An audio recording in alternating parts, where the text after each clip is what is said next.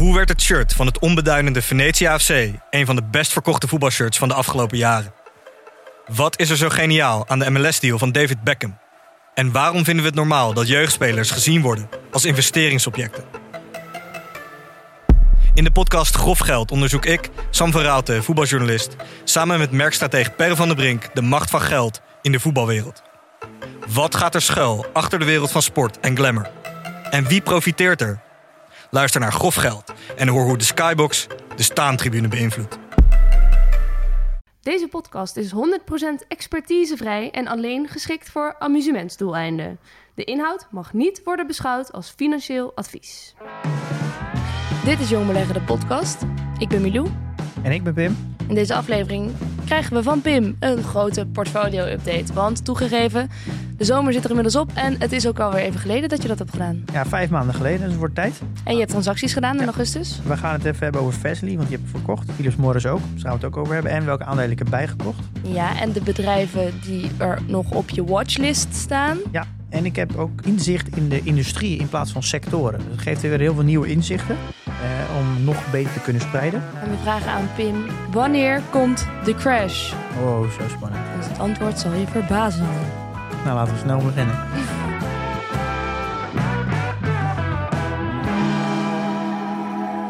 Dit is Jong Beleggen, de podcast. Ik ben Milou. En ik ben Pim. Zo, de vakantie zit er weer op. De zomer is voorbij. Hebben we überhaupt zomer gehad? Ik Zeg, we hebben wel vakantie gehad, maar geen zomer. Nee. Heb je genoten?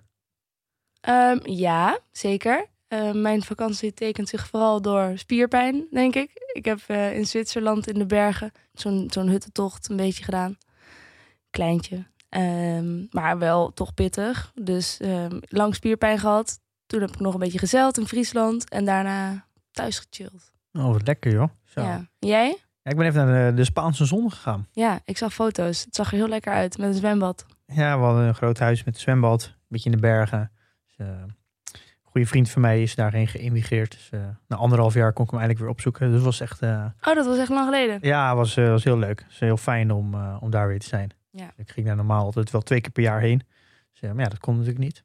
Nu weer wel. Dus het was heerlijk. En nu heerlijk weer beginnen. Ehm, even inkomen nog. Ja, we zitten een beetje onwennig. Ja, het is een beetje nog eh, verzoeken, hè?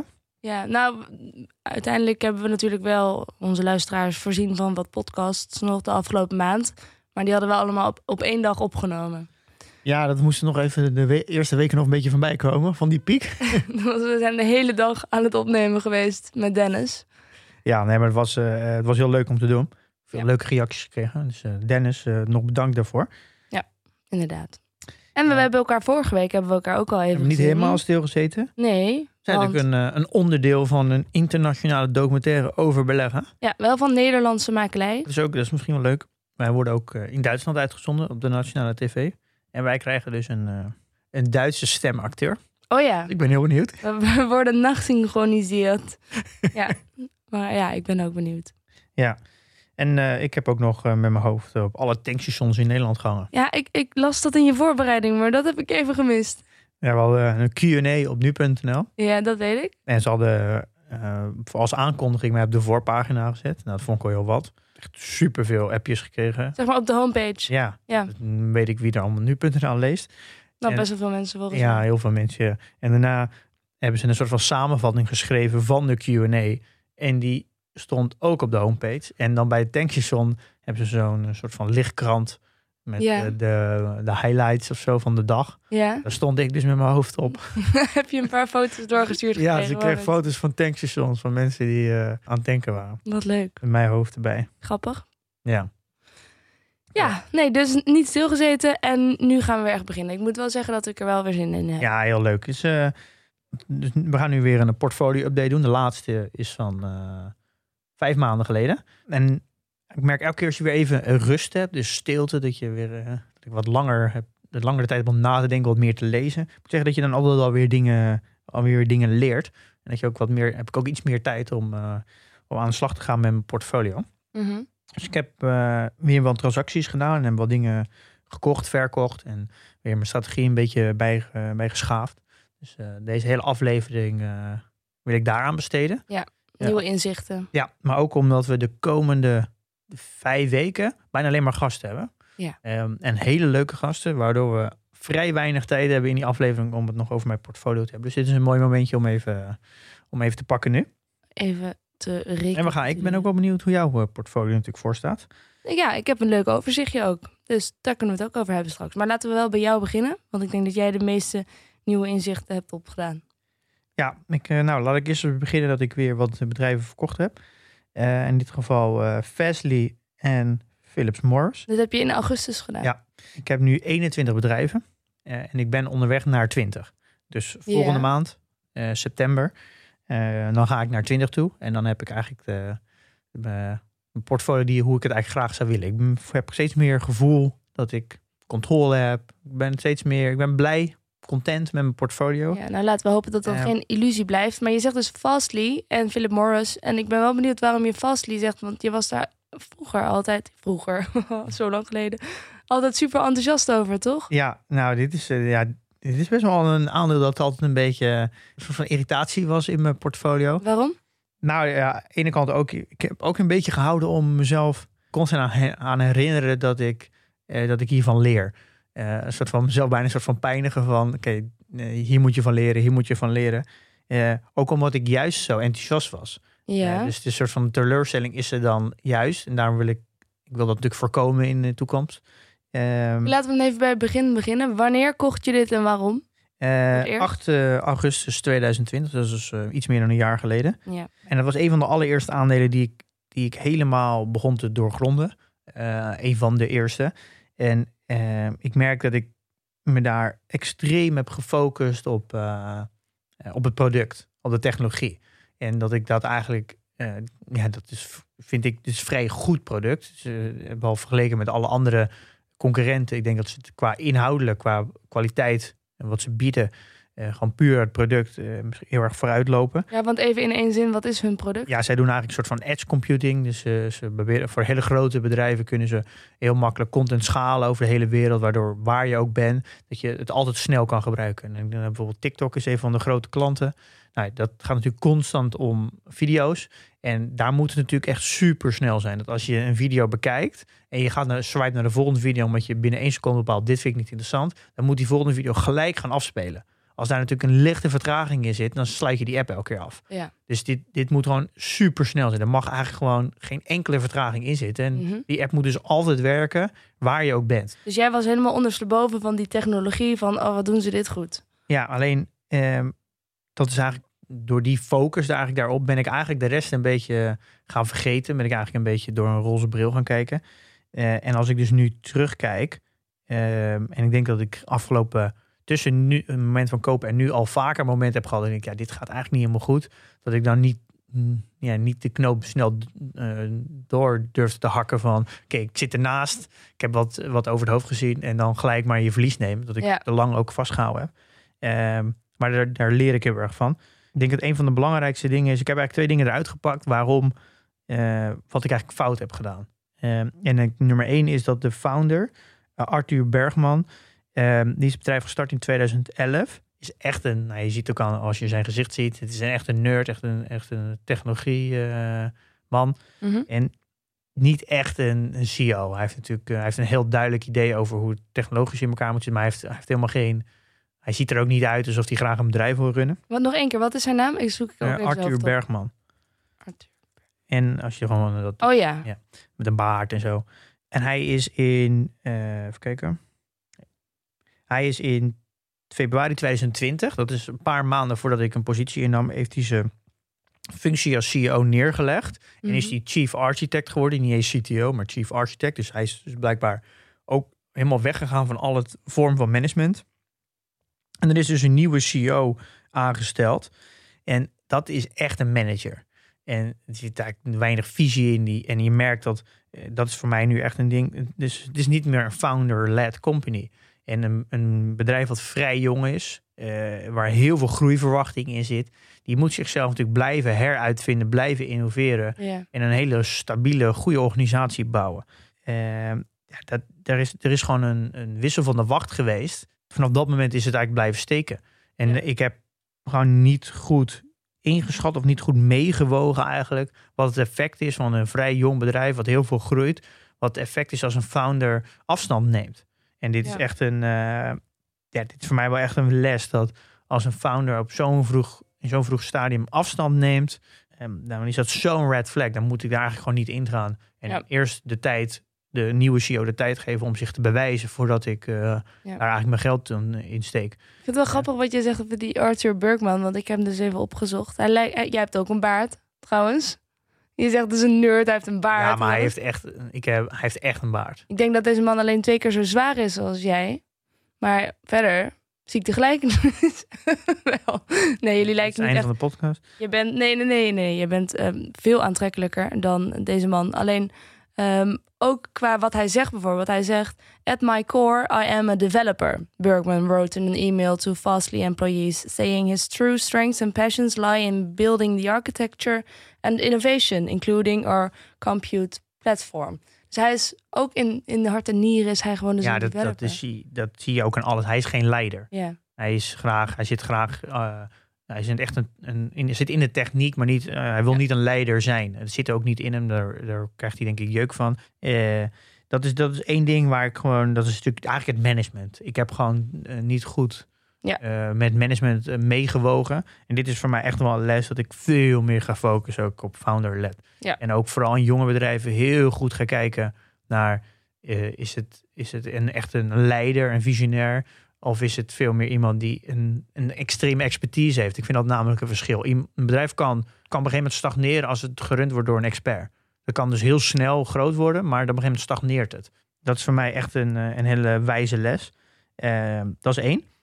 ja. En twee, ja, te hoge omzetconcentratie. Ik kan me dat moment nog heel goed herinneren dat ik zag dat eh, TikTok 13% van de omzet was. Dat is eh, van ByteDance, dus TikTok. Ehm, en ik, dat moment dacht ik gelijk aan Adyen. Die kan, je hebt namelijk meerdere soort van go-to-market strategies. Van je gaat of je gaat heel klein beginnen en dan ga je heel voor heel veel aantallen. En dan op een gegeven moment ga je steeds grotere klanten.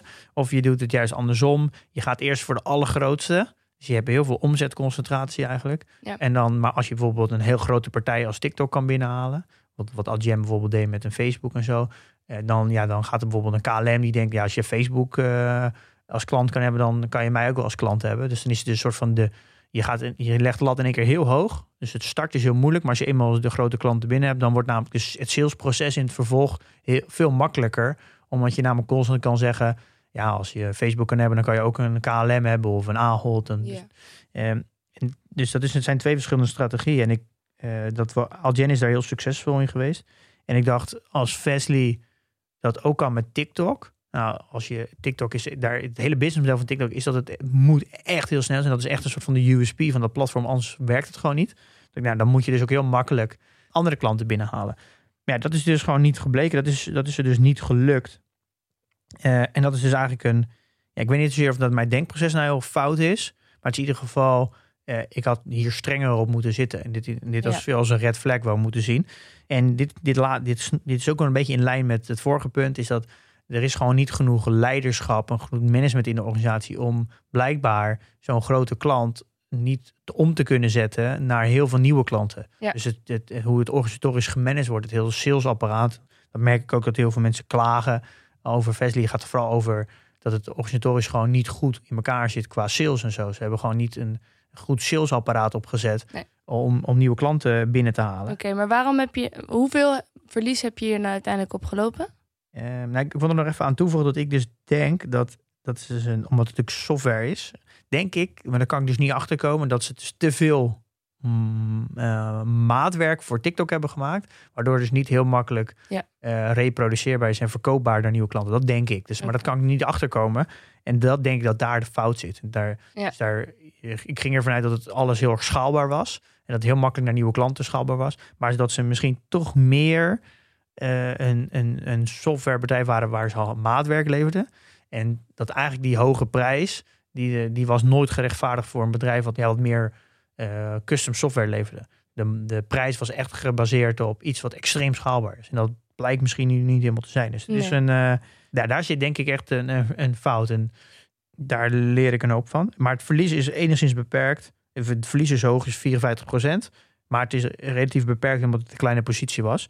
Eh positie was 3400 euro. Dus ik heb een verlies van 1700 euro. Oké. Dus relatief weinig op mijn Ja. complete plaatje. Maar kun je dan wel nog even uitleggen waarom je dan dat vasthoudt toch lang, misschien te lang, om ervan te leren? Je zegt, het was een beetje pijn lijden, zodat je ervan leert. Maar waarom, Nou, wat, wat leer je dan van als je toch al een beetje weet wat je fout hebt gedaan? Nou ja, dit is natuurlijk een, een proces van. Dit is niet wat je dan in één keer weet. Dit voel je wel een Nee. beetje, maar je kan het nog niet zo goed de vingers op leggen. Je, je blijft natuurlijk constant het volgen en lezen. Ik heb heel veel artikelen gelezen over alle mensen die daar negatief over zijn. Dus het duurt ook even voordat je daar ook dat ook helemaal ontarmt. Of Mhm. ontarmt, ja. En ehm, het is ook wel zo dat je. Ik wilde ook een beetje van dat verlies is er nu eenmaal. En ik wil ook een beetje voelen alsof of het niet iets stijligs was, of dit nog kon omkeren. Ja. Eh, dat ik niet te snel handelde daarna, niet te impulsief. Ja. Ehm, want het verliezen was er toch al. eh, maar ja, ik heb er dus heel bewust natuurlijk wist dat het niet helemaal oké zat. Waardoor heb ik natuurlijk ook niks bijgevoegd. Ja, op een gegeven moment gewoon het verlies geaccepteerd. En ik denk, ja, als het nu, eh, het is nu toch al 54 procent. En het is een relatief kleine positie. Ja. Maar probeer juist van, ook al is het een relatief kleine positie, wel de lessen er goed uit te halen. Ja. Zodat ik dat die in de toekomst met een grotere positie niet ga maken. Eh, en zo schaaf ik, dat is denk ik ook wat het hele proces van beleggen. Is dat je, je maakt een fout en dan ga je dus dat soort van voor jezelf in je hoofd printen van oké, dit ga ik niet meer doen. En als je dat maar vaak genoeg doet, ontstaat op een gegeven moment gewoon een hele lange lijst. Een soort van checklist voor jezelf. Van hier moet ik allemaal op letten. Dus het, iemand anders de checklist overnemen is heel moeilijk. Omdat je namelijk dan ook niet, niet de echte pijn voelt van als het fout Ja. gaat. Ja. Dus eh, dit, dit is denk ik het proces van leren. En de, ja, de kunst is natuurlijk misschien een beetje de fouten maken waar je dus relatief weinig verliest. Ja. Eh, nou, tot nu toe is dat met dit eh, goed gegaan. Ja. Ehm, Snap hem. Dan hebben we nog Philip Morris. Ehm, ja, nou, dit is een overblijfsel van mijn eh, originele strategie. Eh kan ik eigenlijk niet zo heel veel over zeggen. Het is een die van dividend beleggen. Er zat altijd al een onderwaardering in. Dus ik ben ook de dividendaandelen aan langzaam aan het verkopen. Dus ik ben eigenlijk aan de hand van hoe ver die onder, onderwaardering erin zat. Die heb ik het langst gehouden. En eh Philip Morris, ja, heb, heb ik daardoor als langste nog gehouden. Maar die is er nu ook uitgegaan. Voelt goed om die er ook uit te doen. is iets wat ik ook, eh, ja, past ook niet bij mij als Mhm. type bedrijf. Dus het is goed dat die eruit is. Ehm, En waar heb je het geld in gestoken dan? ja, ik heb eh, het verspreid over, eh, over bestaande holdings. Ik ga pas nieuwe holdings eh, openen op het moment dat ik er 20 heb. En dan moet er eerst eentje uit. Mhm. En ik heb eh, nu de regel dat ik alles tussen de of, eh, rond de 5% wil. Maar dat is natuurlijk lastig, want aandelen gaan omhoog en naar beneden. Dus het kan, je kan het nooit allemaal 5% maken. Dus het zal in de praktijk een beetje tussen de 3 en de 7% zitten. Eh, want als natuurlijk ene omhoog gaat en de andere beneden, dan wordt het effect natuurlijk steeds groter. Dus ik heb het nu gestopt in Prozus, Trade Desk, eh, Disney en Broadcom. Want die waren procentueel gezien nog het, het kleinst. Oké. Dus die heb ik nu aangevuld tot minimaal 10k. Dat komt neer ongeveer 4,5 procent. Ehm, en de komende tijd ga ik dus nog afscheid nemen van één holding. En dat is ook uit mijn dividendportefeuille. En ik denk dat dat JP Morgan Chase wordt, vermoed ik. Eh, en dat geld ga ik dan ook verdelen over de, over de 20 holdings die ik al heb. Ehm, en dan vanaf dat moment eh, ben ik eigenlijk op het punt waar ik heel graag wil zijn. Is dat ik eh, veel meer controle heb over wat ik bezit. En dat ik dus langzaam een aandeel eruit ga doen en weer nieuwe erin ga doen. En dat proces zal denk ik een beetje zijn. Zo'n, ik gok zo'n vier keer, eh, vier, vijf keer per jaar dat ik een nieuw aandeel doe. Zo erbij. Dus dan heb ik dan gemiddeld, hou ik een aandeel zo'n eh, drie, vier jaar vast. Ja, dus je bent ook nog wel een, echt een, een watchlist eh, aan het bijhouden. Ja, zeker. Dus ik, dat ben ik wel zeker aan het doen. Dus dat is wel een beetje het proces waar ik nu in ga. Waar ik me heel comfortabel bij voel. Waar het dus, dus allemaal niet zo impulsief is. Waar het niks echt per se moet. Waar dus heel erg op je gemak bedrijven kan volgen. Het is dus ook veel makkelijker om een bedrijf nu een jaar of twee jaar te volgen.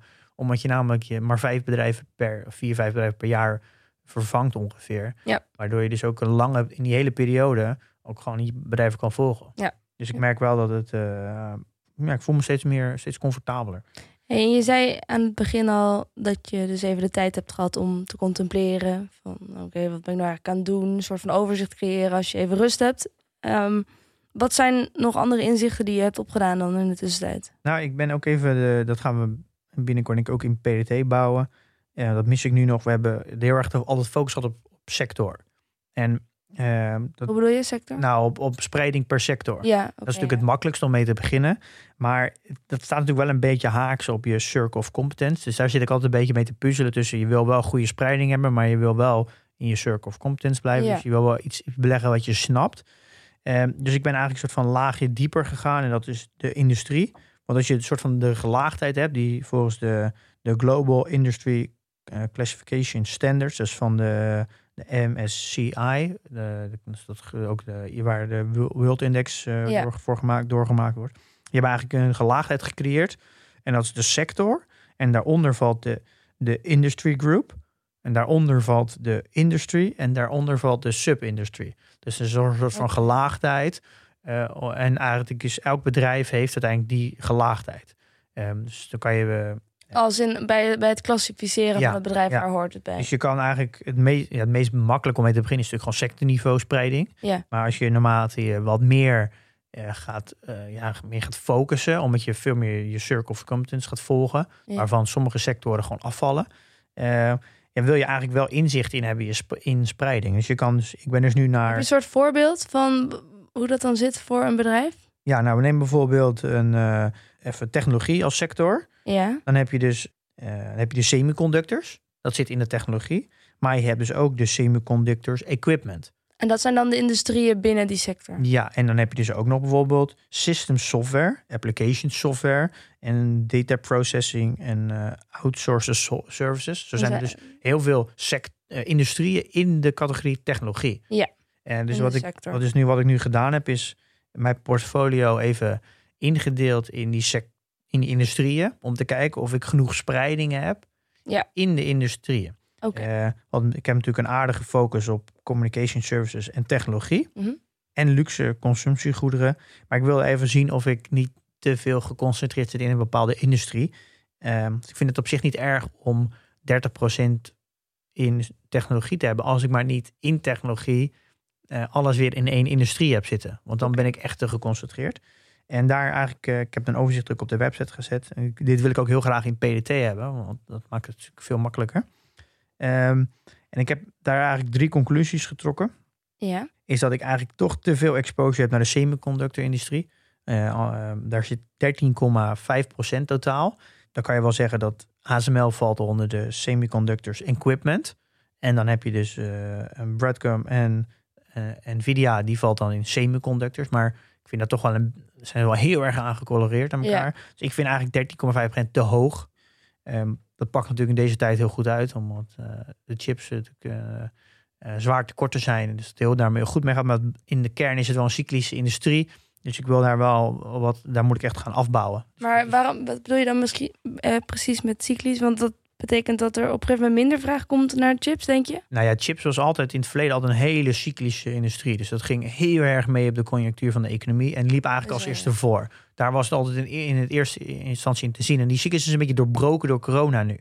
Maar er, er is natuurlijk een, een gigantische inhaalvraag nu. Er is alle autofabrikanten liggen stil omdat er geen chips zijn.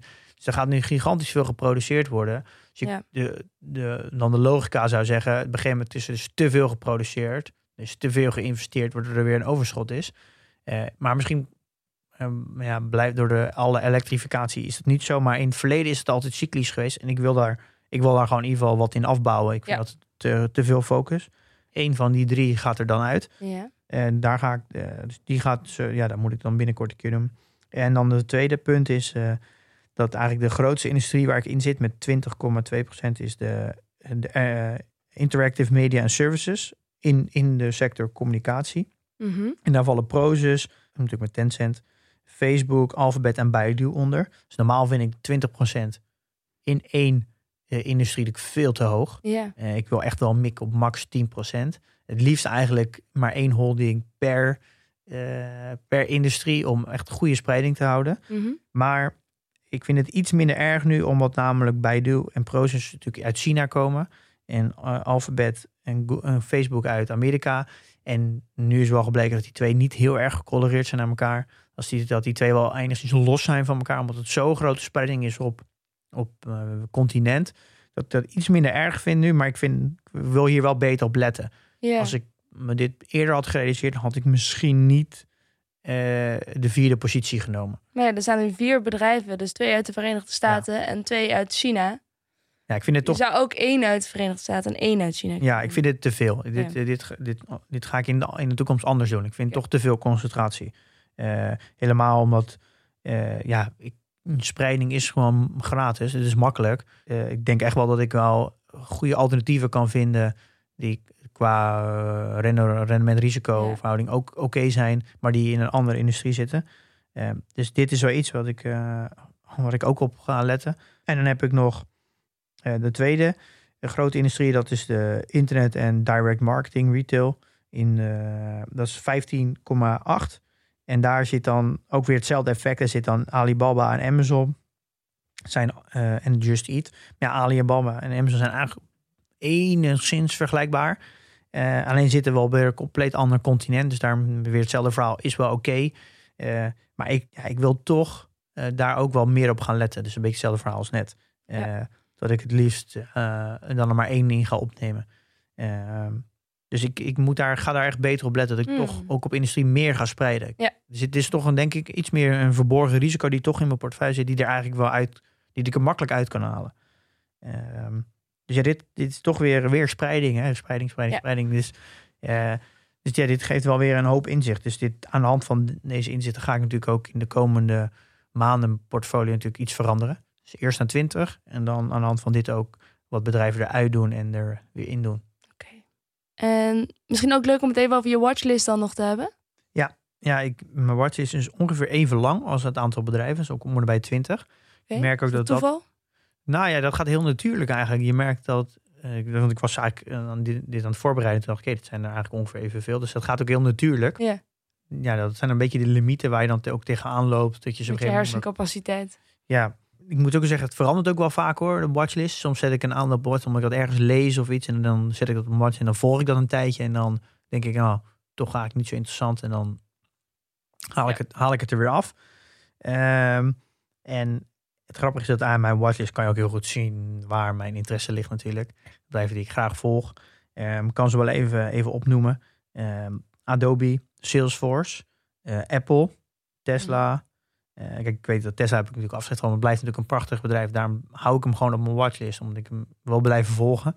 Eh Atlassian, Cloudflare, Booking, Airbnb, Euronext, eh, Lightspeed, Shopify, Mercado Libre, Sea Limited, Zalando, Pinterest, Twilio, CM.com en Tor Industries. Dat is nu Mhm. mijn, mijn watchlist. Zijn er misschien een paar interessante bij waarvan je zegt, daar kunnen we het even over hebben? Nou ja, er zitten, er wel een bepaalde categorisering in, merk ik. Bijvoorbeeld eh, Mercado Libre en C, dat zijn eigenlijk een beetje de Amazons van eh, Zuid-Amerika. Is een beetje Brazilië, die hoek. En van eh, Azië, behalve dus Azië, maar dan buiten China om. Dus dat zijn eigenlijk ook e-commerce platformen, maar dan ja, een beetje, een beetje de Alibaba, de Tencent en de, de Amazon, maar dan van andere continenten. Ja. Denk je dat daar op het wereldtoneel plek voor blijft bestaan? Of, want je zou kunnen zeggen van ja, degene die we hebben in China en de Verenigde Staten, die worden zo groot dat ze alles zullen gaan Ja, dat is dus het grappige is dat, dat dat zou je in eerste instantie zeggen, maar dat die zitten dus zo, zo lokaal geïntegreerd in de, in de, de wensen en de culturen van zo'n regio. Ja. eh, hoe ze ook onderling eh, met elkaar omgaan. Dat het dus niet lukt om voor die grote partijen om, om buiten hun, hun kernregio ook actief te zijn. Hm. Wij als Europeanen re- opereren een beetje hetzelfde als Amerikanen. Dus een Amazon kan heel makkelijk hierheen komen. Maar een, en Amazon naar, naar een, eh, China is dus gewoon compleet mislukt. Ja. En ook dus eigenlijk naar Zuid-Amerika ook. Uh, al zijn ze daar nu wel flink bezig om in Brazilië eh, een voet aan, eh, aan de deur te krijgen. Maar ze hebben daar, volgens mij echt, zijn ze nummer vier, speler nummer vier of vijf of zo. Met een Ja. relatief klein percentage. En in de rest van Azië, dus buiten China, daar hebben ze helemaal geen positie. Dus Nee. het is toch, dat, ja, dat merk je toch ook wel in, in, toen ik in Indonesië was. Dat de hele dynamiek, hoe ze daar onderling met elkaar omgaan en zo. En hoe die apps werken en zo. Dat dat compleet anders is dan wij hier gewend zijn. Ja, oké. Oh, grappig. Eh, dus er bestaat nog wel hoop voor die bedrijven dat ze kunnen blijven bestaan. Maar ze kunnen ook overgenomen worden natuurlijk. Nou, maar dit zijn echt wel flink grote bedrijven. En daar is Oké. Eh, dus dat is, daar zitten wel echt de, de beperkingen voor, eh, eh, voor zulke soort partijen, grote Ja. partijen. Hm, Interessant. Eh, de- dat is heel interessant. Eh, nou, Lightspeed en Shopify vind ik heel interessant. Allebei Canadees. Maar dat, ja, het hele idee dat zij een platform aanbieden waar kleinere eh, bedrijven eigenlijk een online hun sales kunnen doen via een webshop, maar ook ga ik geïntegreerd in de winkel. Dus die combinatie tussen winkel, eh, daar betaalsysteem en voorraadbeheer in combinatie met online, dat connecten met elkaar. Mhm. En dat ze een verdienmodel hebben dat als er meer verkocht wordt, verdienen zij ook meer. Dus dan gewoon als klanten meer gaan verkopen, dan verdienen zij ook meer. Dat is natuurlijk een, een geniaal businessmodel. En die switching kosten natuurlijk super hoog. Want als je eenmaal je hele bedrijf en je voorraad compleet in dat systeem hebt, met ook een kassasysteem en ook online, ja, ga je dat natuurlijk niet zo snel meer eh, Nee. veranderen. En het businessmodel is heel eerlijk, is dat eh, zij verdienen alleen maar geld als de klant ook geld verdient. Dus dat, dat is natuurlijk een heel eerlijk verdienmodel. Dus dat- Ja. de marges zijn daardoor lopen niet, niet zo snel scheef. Ehm, nou ja, Airbnb en Booking eh, staan erop. Om, ja, dat, zit toch de, eh, dat zijn toch denk ik de twee partijen, als het gaat om reizen, die eigenlijk waar echt geld in te verdienen is in de reisbranche. En op meer softwaregebied, Cloudflare en Atlassian volg ik. Ehm, nou ja, Adobe, eh, Apple en Salesforce meer als het gaat om software. Nou, Adobe is van, nou, die ken jij natuurlijk, daar werk jij mee. Mhm. Eh, daar heb ik ook altijd mee gewerkt. Nou, en eh, Tesla staat erop. Zalando, eh, ook weer dat, dat platformidee. Ja. Eh, nou ja, daar heeft Dennis in de community een heel uitgebreide analyse over gedeeld. Waar ook heel veel over gesproken is met eh communityleden. Waar echt een, mooie discussie is ontstaan. Ja. Eh, ja, die, die zet ik erop. Ook om, eh, om nog verder te onderzoeken. Ja.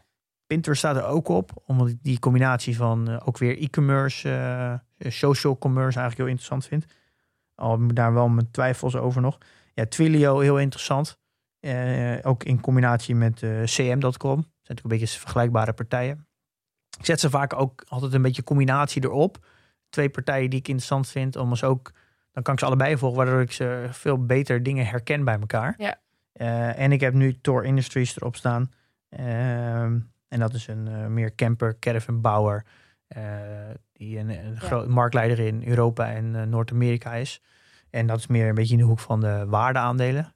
Eh, Ja. Ik merk dat het moeilijker is om, om waardeaandelen op mijn watchlist te hebben. Omdat namelijk die, eh, ja, die, die, wil- die wil je erop hebben op het moment dat het mogelijk een interessante waardering is. Maar die, Ja. ja. die, die, kom, je- die kom je soms tegen en dan zit hij erop. En dan blijkt dat niet zo te zijn, dan gaat hij er weer af. Dus het kan zijn dat hij er kort op komt en dan ook echt in mijn portfolio komt. Maar dat is meer die je dan moet spotten. En de rest van de bedrijven zijn allemaal bedrijven die gewoon, denk ik, fundamenteel aardig goed in elkaar zitten. Alleen toch altijd wel aan de hoge kant zitten. Eh, dus heel veel onderzoek vergen om te kijken of ik dan wel bereid ben om die hoge prijzen te betalen. Helder. En als je nou, ja, mensen die gaan altijd vergelijken met, nou Pim, eh, ik vind je strategie eigenlijk een beetje onhandig. Wat Milou doet is veel slimmer, meer rendement, eh, minder tijd erin steken, bla bla bla. Ja, hoe kijk je nou naar je rendement zelf terug op de afgelopen twee jaar dat je Ja. bezig bent? Nou ja, daar ben ik natuurlijk volledig met je eens. Ik heb nu even alleen maar van year-to-date rendement gepakt. Eigenlijk moet je natuurlijk zo'n korte periode year-to-date eigenlijk helemaal niet gaan vergelijken. Waarom niet? Eh, ja, dat zegt natuurlijk helemaal niks. Je gaat daar alleen maar eh, emotioneel door twijfelen. Mm. Of je wel goed doet. En je gaat er daar dus ook naar handelen. Je, een, echt een goede vergelijking moet je maken over drie tot vijf jaar. Eh, maar ik denk dat ik daar wel doorheen kan prikken. Dus ik, ik vergelijk mezelf af en toe wel om te kijken of ik er van, wat van kan leren. Ja. En nou, ik, doe, nu- ik heb nu dit jaar 20% rendement. Op de AEX is 27%. Nou, dat is echt uitzonderlijk hoog. Ja. Ook de beste Go index Holland. in, eh, in Europa. ja. De Nasdaq ook 20% en de S&P 22 en de Vanguard All World ook 20. Dus Ja. ik zit aardig, doe, ja, ik doe het aardig gemiddeld eigenlijk. Ja. Ehm, nou ja, de, de, AX is natuurlijk uitzonderlijk, omdat natuurlijk vorig jaar bleven ze echt heel erg achter de AX met 5,7 procent. Ja. Nou ja, banken, verzekeraars en grondstofgerelateerde bedrijven, die zijn echt gigantisch hard omhoog gegaan. Een soort van inhaal van vorig jaar, zowel 30 tot 50 procent. En natuurlijk de, ja, de chips eh, met ASML, Bezi en eh ASMI, die, doen het, die profiteren natuurlijk gigantisch dit jaar. Dus die combinatie maakt dat Ajax het dit jaar heel goed doet. Ja. Denk ik niet dat het echt dit, dat dit een uitzonderlijk jaar is en dat het niet makkelijk reproduceerbaar is, denk ik, de komende jaren. Maar. Ehm, en ja, als ik nu kijk naar mijn eigen portfolio, heb ik dus echt, echt wel flinke bleeder in. En dat is China. Mhm. En, en dat is toch wel. eh, ik heb 12,3% van mijn portefeuille in China. Waar daar, en ik heb nu een negatief rendement van 7000 euro. Dat is toch al snel een rendement op mijn huidige portefeuille van, drie, van negatief 3%. Dus ja, dat is. Ja, dat, is, dat vind ik niet heel erg dat dit gebeurt. Omdat namelijk. Er is niks fundamenteel fout aan de bedrijven. Ja, ik had het kunnen weten dat het ja, een andere type overheid heeft. Maar als soort van stokpikker heb ik het niet als bedrijf niet fout gedaan. Dus ik vind dat ook helemaal niet erg. Dus als ik dat een beetje corrigeer, als ik zo doorheen kijk, dan zou ik zeggen, als ik, als ik daar dus geen rendement mee zou hebben, dus gewoon op nul zou eindigen, dan zou ik dus eigenlijk de S&P dus wel eh, iets, iets, iets beter performen dan de S&P. Niet dat het heel veel uitmaakt, maar dat geeft mij wel een gevoel van, het gaat wel de goede kant op. Ik, ik, ik maak niet echt compleet grote fouten. Ik zit er niet extreem ver naast bij de, bij de benchmark. Dus het geeft me wel een goed gevoel dat, eh, dat het wel oké gaat. Dus voorlopig vertrek jij nog niet uit China. Nee, nee, nee, nee, nee. Maar dit is wel een, eh, ja, ik vind dat je jezelf moet wel een beetje, af en toe een beetje blijven kijken van hoe doe je het? Eh, Ja. waarom doe je het dan beter? Waarom doe je het slechter? Kijken of je daar wat van kan leren. Ja. Oké. Oké, en kunnen we niet ook een... eh, is misschien leuk om een update te doen van een paar bedrijven. Dus we hebben het nu over jouw portfolio. Ik kan straks ook nog wat over die van mij vertellen. Maar gewoon een update van een paar bedrijven die jij hebt... of die ik heb, of die we allebei hebben. Bijvoorbeeld Just Eat Takeaway. eh, Oké, ja, eh, ja, dat Hoe is, staat het ervoor? ja, dat is, die ik heb voor mij vier bedrijven in de min, waarvan Just Eat er één is en de rest Oh. is China. Ja. Ja, Just Eat, die, ja, dat is een interessant, interessant verhaal. Daar ben ik altijd heel enthousiast over geweest. Nou, het grappige is dat eigenlijk alle aandelen waar ik heel enthousiast over ben geweest, het eigenlijk helemaal niet zo goed doen. Ehm, dus je kan ook echt gewoon niet, je moet ook gewoon niet naar mij luisteren. Maar het kan er nog in zitten. ja, ik Eh, heb dus wel naar jou geluisterd, want ik heb ook Just Eat. ja, de, nou, ik twee, merk, twee aandelen, wel geteld. dat, ik merk toch wel dat dat toch wel een, eh, het toch heel gevaarlijk is als je heel enthousiast bent. Nou, dat is al heel vaak verteld, dat het dan een beetje de emoties nemen het over. Mhm. Nou, ik denk, het moment dat ik voor het eerst Just Eat analyseerde en hoe het er nu voor staat, denk ik wel dat de business case wel een aantal keer veranderd is ondertussen. Eh nou, is erbij gekomen, maar de hele, de hele industrie verandert met al die eh, eh, snelle bezorgers. Ja. En ook met de, de regels, dat, met corona ook, dat er een, een, een cap zit op de fee. Het, het hele speelveld is aan het veranderen, merk ik, sinds ik een positie in heb ingenomen. En, want ik heb die positie al, al meer dan een jaar, anderhalf jaar denk ik. Een van mijn eerste posities. Ehm, en, en dat is toch wel, dat merk ik dat dat heel lastig is. Dat, dat, dat is denk ik ook het moeilijk aan beleggen. Dat je een soort van een verhaal hebt eh, waarom je een positie neemt. En dat eigenlijk gaandeweg dat verhaal aanpast. En dat je dus, daar zou je dus eigenlijk dan mm, direct op moeten handelen. Daar merk ik wel, daar dat ik wel steeds meer gereserveerd ben met Just Eat. Ik merk toch wel dat, dat het verhaal hoe het in eerste instantie eh, de- ja, was, dat het verandert. En dat het op negatieve manier verandert. En dat ik wel steeds meer twijfel nu Uh-oh. of dit echt wel een succes gaat worden. Eh, Oh, maar waarom dan? Het gaat toch gewoon goed? Ze Nou ja, de kijk- wereld overnemen. nou ja, de, de, de om, kijk, dat enige voor mij is waarom ik het nog de voordeel van de twijfel geef, is omdat het de omzet blijft groeien. Eh, Ja. En ja, zolang de omzet blijft groeien, zijn er, is, is er nog altijd heel veel mogelijk. Maar het, het, het speelveld is steeds competitiever geworden. En dat is gewoon, ja, dat is op lange termijn gewoon, eh, ja, is gewoon negatiever. Hm. Het duurt gewoon langer voordat je op dat punt komt dat je echt, echt winst gaat maken. En dat wordt elk jaar weer. Het voelt bijna bij elk nieuwsbericht weer dat het verder uitgesteld wordt. Waardoor je denk ik, als je in Just ziet, echt wel een goed zitvlees moet hebben. Dus dit is wel voor mij ook echt wel een reden geweest om, eh, om echt niet bij te kopen. Oké. Eh, is sowieso denk ik een les voor mezelf. Ik heb dat echt wel overwogen. Maar dat voor mezelf echt. Toen heb ik gezegd: nee, ga nou geen gekke dingen doen. Ik heb tegen mezelf gezegd: 5% per holding. Ga ook nou niet Daarboven zitten. daarboven zitten. Want Zo. je kan altijd een fout maken als, Ja. eh, als belegger. Ja, je moet die echt aan je eigen regels En ik ben echt blij dat ik me aan die regel heb gehouden. Ja. Ja. Het is misschien leuk om het ook even over Facebook te hebben. als je grootste. dat is eigenlijk de grootste, omdat het namelijk hard gestegen is.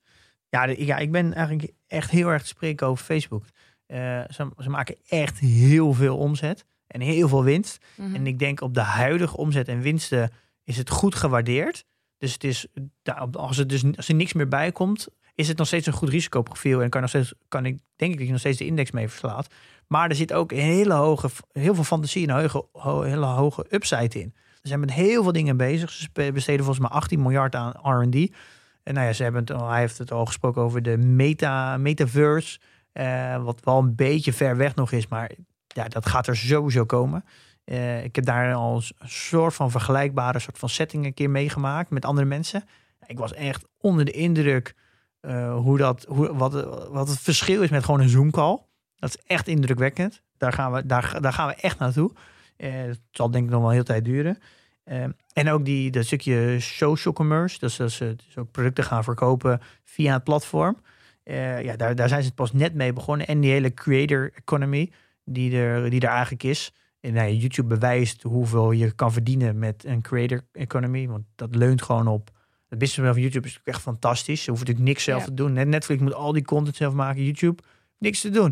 Je hoeft alleen Ja. maar te zeggen, nou, eh, maak gewoon hele goede content. En wij belonen je met een beetje percentage van de, van de advertentie. Ja, dat is natuurlijk een fantastisch businessmodel. En ik, ja, daar zit natuurlijk, in de basis zit dan natuurlijk ook in alle platformen van Facebook. Want ja, er zijn gewoon eh, eh, Instagrammers die gewoon, ja, moet je, gewoon miljoenen verdienen door Instagram te runnen. Dus daar zit natuurlijk ook een hele creator economy in. Ja. Dat moet alleen meer gemonetized worden nog. Dus als je kijkt naar dat Facebook heeft 2 miljoen bedrijven die adverteren. Dus eigenlijk de klanten van Facebook zijn 2 miljoen bedrijven die adverteren.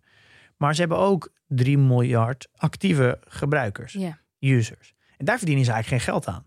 Eh, ze hebben eigenlijk nog een 3 miljard aan potentiële verdienmodellen. Ze hebben dus ze verdienen nog, niet, nog geen geld aan de gebruiker. En dat kan dus wel komen door, eh, door bijvoorbeeld so- social commerce. Dus ik zie daar echt, er zit nog zoveel upside in, naar mijn idee. Voor, eh, maar zelfs al dat komt dat er allemaal niet uit, is het nog steeds een hele goede, denk ik, een goede belegging. En dat is natuurlijk een, en dat zijn de type beleggingen die je wil hebben, waardoor het als het gewoon zo blijft een goede belegging is. Maar dat er wel heel veel interessante ja. upside in zit.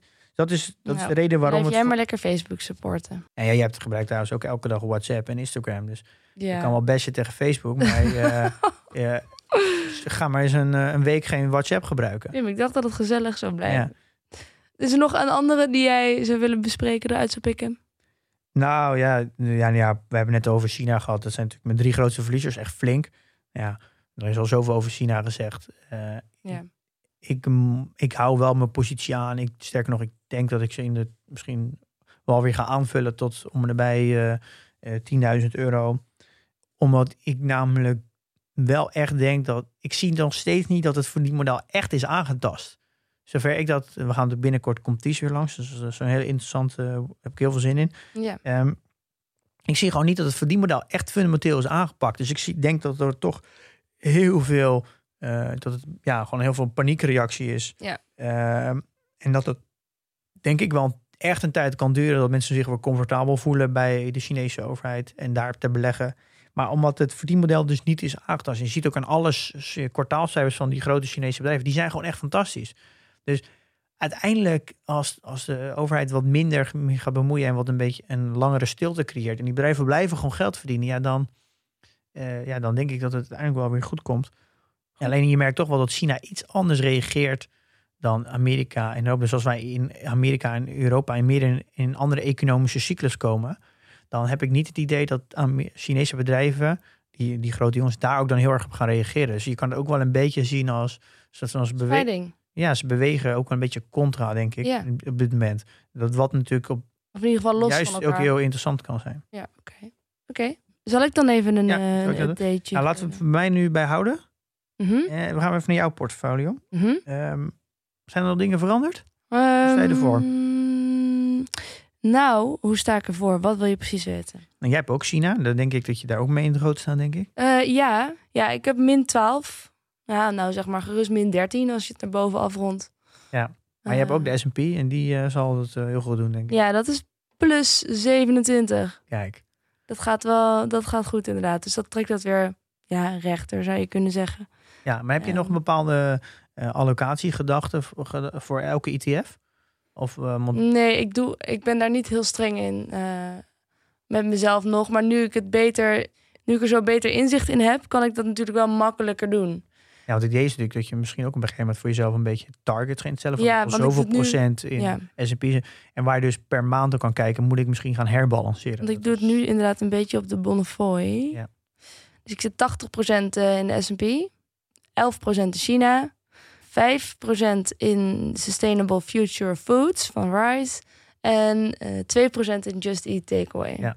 Nou, dat is eigenlijk voor jezelf moet je gaan nadenken over, als je nog een keer een ETF voorbij voegt, iets met je voor jezelf gaat definiëren. Wat is nou een beetje de allocatie, wat is de spreiding die ik wil? Ja, En dan kan je ook één keer in de zoveel tijd, bijvoorbeeld in een kwartaal, half jaar, zeggen ik ga nu herbalanceren. Ja. Dus eh, zeg dat je afspreekt, ik wil eh 20% in China, en 70% in eh, S&P en eh, die andere 5,5. Ja. Dan, en dat na een half jaar is het natuurlijk veranderd, die percentage. Dan zou je weer terug kunnen gaan naar Ja. je origineel. En dan wat je dan vaak doet, is dat je...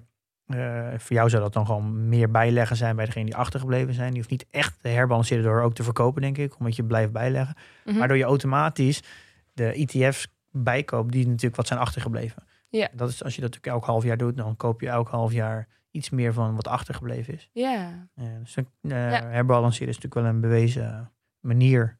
Precies. Dat zou je, maar dan moet je wel van tevoren voor met jezelf afspreken. Afspreken. Oké, Wat ik ga een afspraak eh, Wat, bedenken. wat Ja. jouw percentages zijn. Ja, dat ga ik doen. Oké. Ja. Ehm, bedankt voor de tip. Zijn er nog meer dingen die je wilt weten over mijn portfolio? Ehm, kan wel de, hele, de huidige waarde geven. ja, dat is goed. 7245.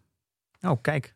Dat eh, gaat Nou, gaat hartstikke goed. Ja, Dat is misschien ook dat hele re- rebalancing en zo. En targets, dat gaat ook nog in PDT komen. Dat am the watch is dat je het gewoon achter zo'n ding kan aanvullen. Dit is mijn ideale eh, verdeling. En dan op een gegeven moment zou je, moeten we iets van een knop maken van herbalanceer. En dan krijg je gewoon een lijstje van zoveel procent moet je bijkopen van dit, van dit, van dit. Dus dat wordt ook dan voor je gedaan. Dat is iets van wat wij graag eh, waar we naartoe willen. Ja. Dus, eh, komt er zeker een keer aan. Oké. Ja, PDT-update. Ja, eh, we hebben natuurlijk afgelopen maand niet stilgezeten. Eh, ik wil een paar dingen uitpikken. We hebben stocksplits verwerkt. Nou, dat was nogal een ding. Ik, nu ervaar ik hoe vaak er een stocksplit voorkomt. Mhm. En hoeveel type stocksplits je hebt. Echt, echt, nou, van echt de ene kant op de andere kant. Dus eh, ook een reverse stocksplit. Ehm, de- die hebben we compleet ingevoerd nu. We hebben in ieder geval het systeem gemaakt. Dus als je merkt dat er een aandeel stocksplit nog niet in verwerkt is, laat het ons weten. Eh, maar je kan dus ook nu bij acties zien wanneer er een stocksplit is geweest. Oké. En wij houden wel je originele GAK. Eh, dus je gemiddelde aankoopprijs die je bijvoorbeeld bij de Giro niet hebt. Eh, dus we laten dat wel mooi zien. En we hebben dus ook de feedback verplaatst van de community naar PDT zelf. Waardoor we veel gerichter feedback kunnen ontvangen. Dus als er iets niet goed is, dan kan je dat in de, in de PDT zelf aangeven. En dan kunnen we ook in PDT met je communiceren. Waardoor we veel beter de problemen sneller, sneller kunnen oplossen en sneller kunnen herkennen. Kijk. Ehm, en we hebben de design een beetje opgefrist. Dus we hebben ook eh, wat, meer, eh, wat meer kleurtjes voor de spreiding om te laten zien. En eh, het ziet er net even weer wat mooier uit. Ja, het ziet er wel echt mooi uit. Dat moet ik wel toegeven. En waar we nu mee bezig zijn, met de performance grafiek. Nou, dat, dat is best wel veel werk, veel berekening. Maar we gaan dus zo'n mooi grafiekje genereren over je performance van de afgelopen tijd. Ja, dat, maar dat is, dat is waar je laatst over vertelde, toch? Want Ja, dat- alleen al om jouw performance grafiek te maken, dan zou je 13 miljoen berekeningen moeten doen. Ja, we zijn, ja, het zijn heel veel berekeningen. Omdat we namelijk elke dag moeten simuleren hoe dat was. En om, om een goede grafiek te kunnen, kunnen berekenen. Ja, Dus hoe langer je belegt, hoe complexer die berekening is. ja. Eh, maar daar zijn we mee bezig. En we krijgen ook een mogelijkheid daardoor om te filteren op year to date. Nu krijg je gewoon je rendementen van altijd te zien. Ja. Maar je, ik denk, heel veel mensen willen heel graag rendement filteren per periode. Dus die komt, die is, dat is dan ook gelijk mogelijk. Want dat fundament ligt er dan. Eh, dus daar kijk ik zelf heel erg naar uit. Wow. Ik kan nog niet zeggen wanneer het komt, maar dat gaat er zeker komen. Ehm, ja, dat, er komen allemaal mooie dingen aan. Leuk. En we willen natuurlijk weer alle nieuwe vrienden van de show bedanken die Ja, erbij zijn zeker. gekomen. Ja. Dat is nog gelijk om bij te zeggen. Ja. Het is, we nemen dit nu op op 1 september. Ja. Exact een jaar geleden hebben we aangekondigd dat we vriend van de show hebben. Dus Op we zijn 1 nu september. echt Oh. precies een jaar bezig. Dus er zijn dus, denk ik, ook heel veel luisteraars nu nog die vriend van de show zijn geworden Op dat moment. op dat moment. En die is nu een mail hebben gekregen. Dat, eh, je krijgt twee weken van tevoren of je je vriendschap wil verlengen. Oké. Dus we doen netjes een mail, dus dat we niet eh, om lekker door laten lopen. Ja. Eh, maar we vinden het natuurlijk super leuk als je Als je nog een jaar als je blijft. nog een jaar vriend van de show blijft en ons blijft steunen, je mag ook gewoon nog in de community PDT gebruiken. En natuurlijk de mogelijkheid, wij, het moment dat je vriend van de show bent voordat PDT live gaat, dan hou jij altijd dezelfde prijs.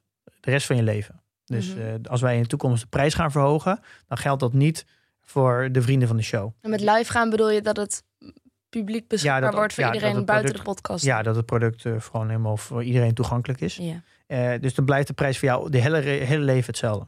Dus eh, ook om, als we bedankje dat ze natuurlijk ons gesteund hebben in het begin. Wat een belofte. Dus ik moet voortaan niet alleen de nieuwe vrienden van de show gaan bedanken, maar ook alle vrienden van de show die hun vriend van de show Ja. zijn, nog met een jaar Ja, nou helaas is vriend van de show systeem nog niet zo geavanceerd dat wij dus het verschil kunnen zien. Nee. Dat is dus nou weer jammer.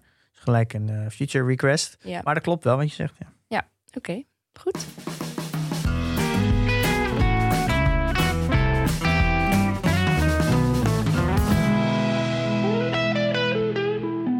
Gaan we naar het nieuws?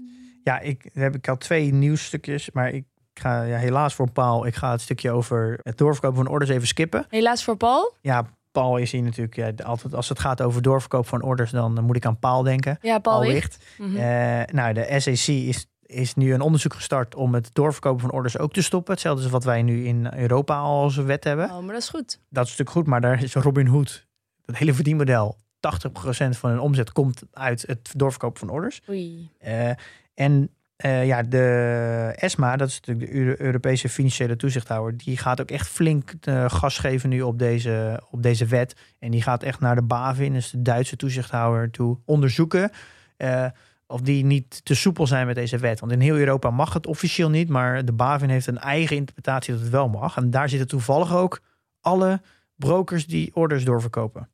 Hey. eh, maar die ging nog niet doen. Ik wil het heel even hebben over wanneer komt de crash. Ik bedoel. Ik wil het even weten. Wanneer komt de crash? Ehm, ja, ik denk, ehm, nou, oeh, de crash. Ja, de, grappig dat je dat vraagt. Iemand eh, vroeg mij dat gisteren nog, waarmee ik pizza aan het eten was. Ja, dat weet je natuurlijk nooit. Nee. Nou, eh, dat is grappig. Ik heb dus ik heb een Q&A op eh, nu.nl. Denk dat 50% van de vragen was wanneer komt de crash. Oké, maar wacht, ik wil wel even antwoorden. Ik denk dat de crash komt over anderhalf jaar. Oh, wauw. Ja, als ik toch iets moet zeggen. En jij? Eh, Jij durft zeker niks te nee, ik, dat slaat nergens op. Dat, is- dat ga ik niet eens een beetje zeggen. Wanneer gaat de zon schijnen, wanneer gaat het regenen? Ja, Ja. weet ik veel. Maar Ja, dit is door. dus een hele interessante periode. We hebben natuurlijk een, eh, denk ik, 15 maanden op rij een en al eh, records achter elkaar. Volgens mij de S&P zelfs 52 keer een all-time high in, in een jaar tijd. Dat is echt uitzonderlijk. Mhm. Nooit voorgekomen. Nu beginnen de artikelen de afgelopen maand een beetje te komen van hoogtevrees, einde aan de Hosanna-stemming. En nou, in de community ook, de eerste berichten. Eh, de grote dip, wanneer komt die? De- Iedereen begint nu een beetje zenuwachtig te worden. Ja, ik heb een verzoek aan die mensen. Kan iedereen daarmee ophouden? Want uiteindelijk gaat het over verwachting. En als wij niet bepalen dat we met z'n allen eruit gaan, dan komt er ook geen crash, toch? Nee, ja, dat is dus, een, eh, dat is dus het interessante nu. Er, er, de media gaat er steeds meer over schrijven. Je, je kan bijna geen, geen plek meer vinden waar dat niet wordt benoemd. Waardoor mensen eigenlijk ook paniekerig worden. Dus Ja. de emotie gaat nu in je lichaam zitten. Waardoor je uiteindelijk eh, dat een soort van self-fulfilling prophecy wordt. Ja. Waardoor mensen steeds meer angstiger worden. En dan op een gegeven moment er wel dingen gaan... Er hoeft natuurlijk maar bijna iets te gebeuren en het gaat gebeuren. En er was trouwens ook een onderzoek eh, uitgekomen van twee onderzoekers van Harvard en nog eentje. Die hadden onderzocht over de impact van particuliere beleggers. En dat elke euro die een particulier inlegt, dat heeft een effect tot 3 tot 7 of 8 dollar op een koersstijging. Maar werkt andersom ook. Dus een euro dat een particulier uithaalt, heeft dus ook 3 tot 8 dollar effect op een daling. Ehm, en tot nu toe is elke, elke dip die aan werd, werd aangegrepen, elke dip van een paar procent werd aangegrepen om bij te kopen. Dus dat, stuwt, dat duwt de koersen weer omhoog. Eh, maar dat kan dus ook de andere kant op gaan. Dus is nu voor het eerst wetenschappelijk bewezen dat particulieren dus wel echt een heel groot effect hebben op de huidige koersen. Omdat namelijk alle Oh, eh, grote institutionele beleggers namelijk bijna niet bewegen. Die, die, die wisselen bijna niet van positie. En ja. particulieren wisselen heel veel en die zorgen juist voor de beweging. Er werd altijd gezegd, particulieren hebben namelijk helemaal geen effect op koersen. Dit is de eerste keer dat het wetenschappelijk bewezen is dat het wat degelijk effect heeft. Oké. Eh Dus trouwens, hoe een, een van de een Nederlander die dat ook heeft onderzocht. Dus een, een Nederlander die in Amerika woont. Eh, Kan die een keer langskomen, misschien? oeh, Als hij in Nederland is. kunnen we wel eens kijken. Ja. Maar ik weet het niet wanneer de crash komt. Je kan er beter ook niet, eh, niet te veel uh, zulke dingen lezen. Ook niet, laat die emotie ook niet in je lichaam komen. Zit het er wel in en slaap je er slecht van? Dat is sowieso niet goed. Ga, Denk dan. ga dan een hogere cashpositie pakken. Precies. Of ga defensiever eh, beleggen. Werkt Want- het allemaal niet? Ga er dan gewoon uit en stop ermee. Ja. Eh, want een goede nachtrust is altijd het allerbelangrijkste. En Daar kan ik over meepraten als nachtpresentator. Ja. Portfolio, ja, dat hebben we al besproken, hè, Pim? Eh, maar ik heb wel een stand. 244.900. Ja, en ik zal mijn ook dus nog even noemen. 7245. Zo.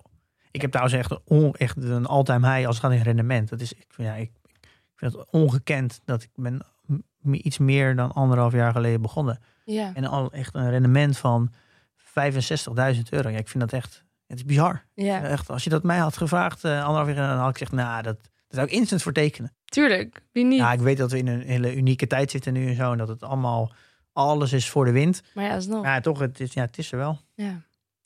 Gaan we naar de reviews. We krijgen vijf sterren in de Apple Podcast app van San Buka. Denk ik dat hier staat. Staat S4N Ja. Buka. Ontzettend leerzaam. Toen de podcast begon, leek ik qua kennis nog een beetje voor te lopen op Pim. Maar zelfs toen al was het interessant. Blijkbaar leert hij een stuk sneller dan ik. Want nu leer ik iedere aflevering weer meer en meer. Deze podcast luisteren scheelt toch weer 64 boeken per week lezen. Wat ik wel leuk zou vinden is om weer terug te brengen. Jullie deden het in het begin wel, toch? Om wat vaker door de portfolio te lopen. Dat lijkt nu bijzaak, maar persoonlijk vond ik dat heel interessant. En ook eens terugkijken. Volgens mij leer je er veel van. Waarom is Fastly gehalveerd? Waarom gaan de Chinese aandelen zo slecht? Deze pakken jullie wel op. Heb je Alphen niet te vroeg verkocht? Wie staat er nu op je shortlist? Volg je, wie volg je met extra aandacht? Ik roep maar wat voorbeelden door. Nou, daar hebben we een beetje naar geluisterd. Nou, dankjewel voor de mooie woorden. Ja. Eh, nou ja, speciaal voor jou deze aflevering. Ja. Ehm, ik wil nog wel even specifiek ingaan op een stukje van Alphen.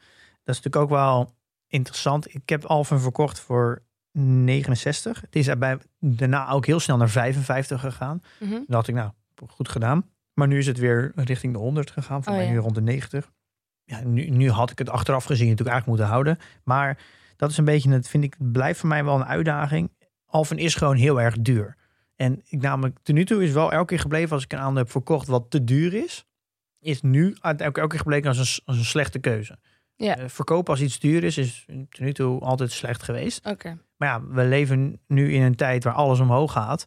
Dus, ik alles- heb wel een beetje zo van, eh, dat klopt nu wel, maar als het economisch wat slechter gaat, dan denk ik wel dat succesaandelen ook het hardst naar beneden gaan. Ja. Eh, dus ik heb daar niet heel veel moeite mee.